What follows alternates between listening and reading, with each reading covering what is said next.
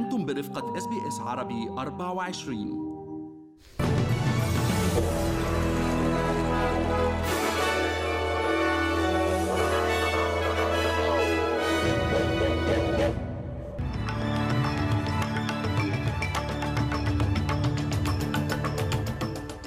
عناوين النشرة مصرف الاحتياط يرفع معدل الفائدة للمرة التاسعة خلال عام بمقدار ربع نقطة مئوية.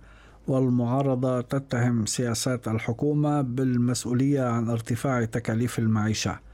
مساعدة أسترالية بقيمة عشرة ملايين دولار لتركيا وسوريا بعد الزلزال المدمر الذي أدى أمس لمقتل أكثر من أربعة ألاف شخص في البلدين. واشنطن تعلن أنها جمعت بقايا أولية من حطام المنطاد الصيني وتقول أنها لا تعتزم إعادتها إلى بكين.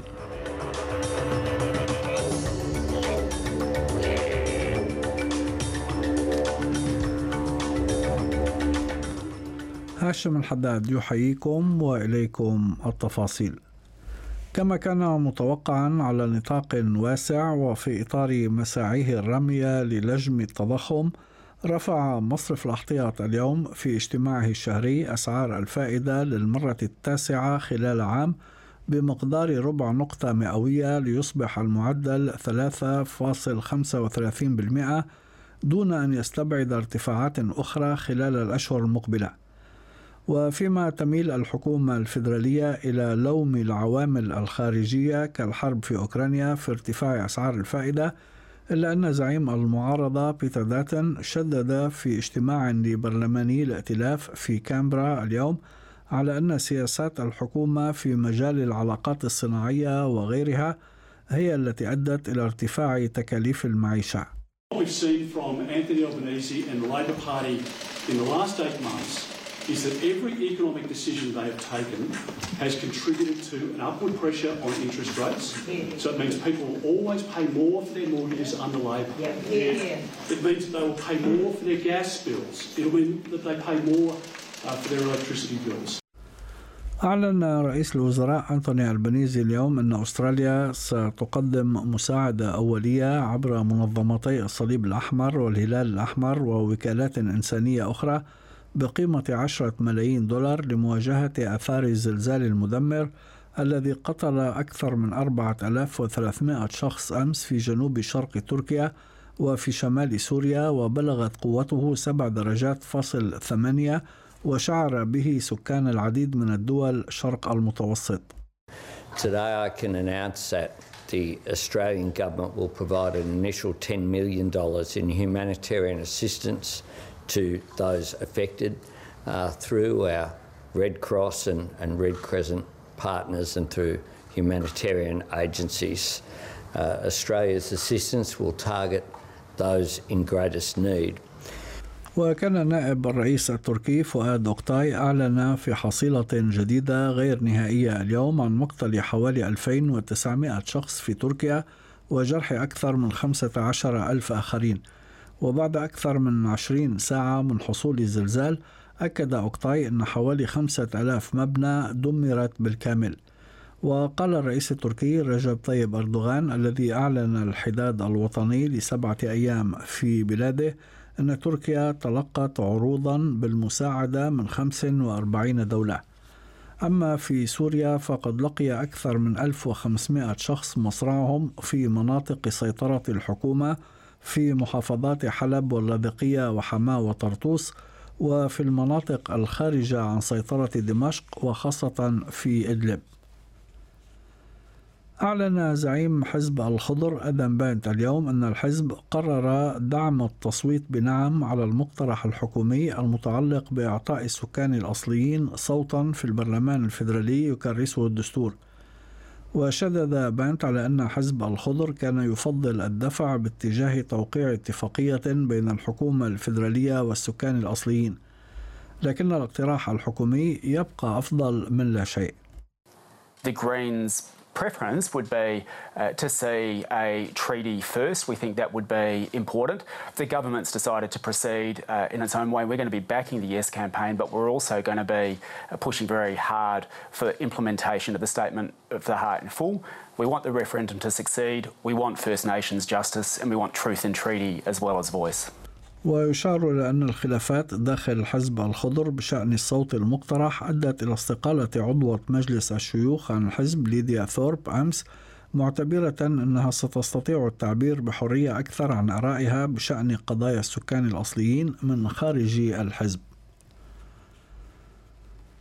وجهت شرطة كوينزلاند تهمة الإتجار بالمخدرات لثلاثين شخصا اعتقلتهم في إطار عملية أمنية استمرت 14 شهرا لتفكيك مجموعة إجرامية تنشط في جنوب شرق الولاية قامت ببيع ما قيمته حوالي 50 مليون دولار من المخدرات خلال عام واحد.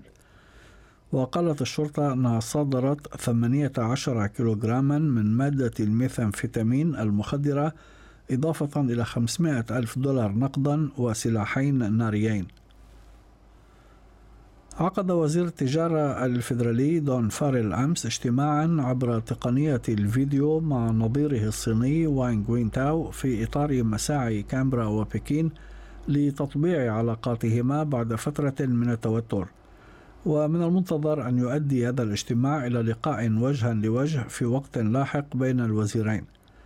وكانت الصين في السنوات الأخيرة اتخذت إجراءات عقابية ضد أستراليا بعد مطالبة الحكومة الائتلافية السابقة بفتح تحقيق لتحديد مصدر فيروس كورونا.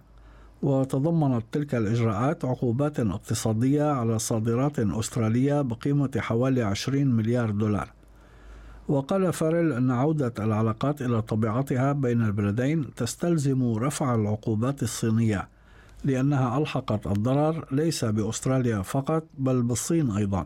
Trade has not proceeded as smoothly um, and we believe that's been to the detriment of both countries. I'm confident that our discussions today can provide a pathway towards the restoration of unimpeded trade أعلنت وزارة الصحة الفلسطينية أن القوات الإسرائيلية قتلت خمسة فلسطينيين أمس خلال عملية نفذتها في مدينة أريحة في الضفة الغربية المحتلة. وقال مصدر عسكري إسرائيلي أن الجيش يحتفظ بجثث الفلسطينيين الخمسة الذين قتلوا في العملية. وأوضح أن العملية هدفت إلى توقيف خلية وصفها بالإرهابية تابعة لحماس نفذت عملية إطلاق نار على مطعم في الثامن والعشرين من الشهر الماضي. ونعت حماس بدورها عناصر من كتائب القسام جناحها العسكري الذين لقوا مصرعهم في اشتباك مسلح مع القوات الإسرائيلية في مخيم عقبة جبر من جانبه وصف محافظ أريحة جهاد أبو العسل العملية الإسرائيلية بأنها جريمة بشعة. أفاد المتحدث باسم البيت الأبيض لشؤون الأمن القومي جون كيربي أمس بأن الولايات المتحدة جمعت بقايا أولى من حطام المنطاد الصيني الذي أسقطته السبت الماضي فوق سواحل كارولاينا الجنوبية موضحا أن إعادتها إلى الصين أمر غير وارد.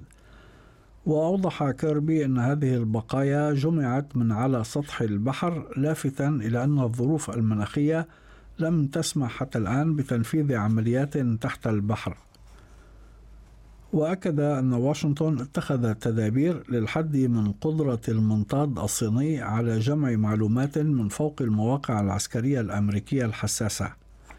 إلى ذلك أكدت واشنطن أنه لم يحدد بعد موعد جديد للاجتماع الذي كان مقررا بين وزير الخارجية الأمريكي أنتوني بلينكين ونظيره الصيني وتأجل بسبب قضية المنطاد واعتبر المتحدث باسم الخارجية الأمريكية نيد برايس أن التصرف الصيني غير المسؤول وغير المقبول قوض الجهود الدبلوماسية دون أن يستبعد عقد اللقاء في وقت لاحق.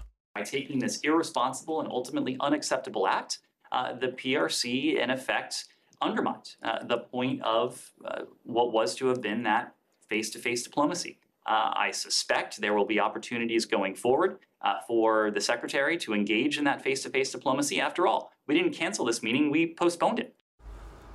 في أخبار الرياضة اعتذر الاتحاد الإماراتي لكرة القدم بشكل مفاجئ أمس عن استضافة بطولة غرب آسيا العاشرة للرجال التي كانت مقررة بين أذار مارس ونيسان أبريل المقبلين وفق ما أعلن اتحاد غرب آسيا للعبة الأمس وجاء في بيان للاتحاد أنه تسلم كتابا رسميا من الاتحاد الإماراتي تضمن أخطاره بالاعتذار عن استضافة البطولة من دون أن يشير خلاله إلى الأسباب التي دفعته إلى ذلك. وأعلن الاتحاد القاري أنه سيقوم بعرض هذا الكتاب وقرار الاعتذار الإماراتي على اللجنة التنفيذية ليصار إلى بحث ودرس الخيارات المتاحة أمامه بشأن البطولة من حيث إصدار القرار النهائي حولها بما يتناسب مع كافة المعطيات. وأضاف البيان أن القرار الإماراتي سيؤثر على كافة الاتحادات الأهلية التي سبق وأعلنت مشاركتها بالبطولة وأعدت برامج منتخباتها وفق ذلك وهي البحرين والسعودية والكويت وعمان واليمن والعراق والأردن وفلسطين ولبنان وسوريا والمنتخب التايلاندي المشارك كضيف بدعوة خاصة من اتحاد غرب آسيا. في أسعار العملات وصل سعر صرف الدولار الأسترالي في التداول اليوم إلى 69 سنتا أمريكيا. حالة الطقس المتوقعة غدا في أديلايد مشمس 33 درجة بريسبن غائم جزئيا 29 هوبارت غائم 19 درجة داروين أمطار متفرقة وعاصفة محتملة 33 بيرث مشمس 31 درجة ملبون غائم جزئيا 24 سيدني أمطار متفرقة 27 وأخيرا في العاصمة الفيدرالية كامبرا غائم 23 درجة. كانت هذه نشرة الأخبار المفصلة أعدها وقدمها لكم هاشم الحداد. شكرا لحسن استماعكم.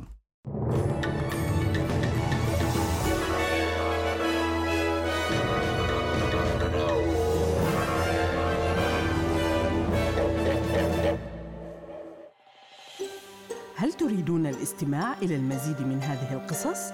استمعوا من خلال أبل بودكاست، جوجل بودكاست، سبوتيفاي أو من أينما تحصلون على البودكاست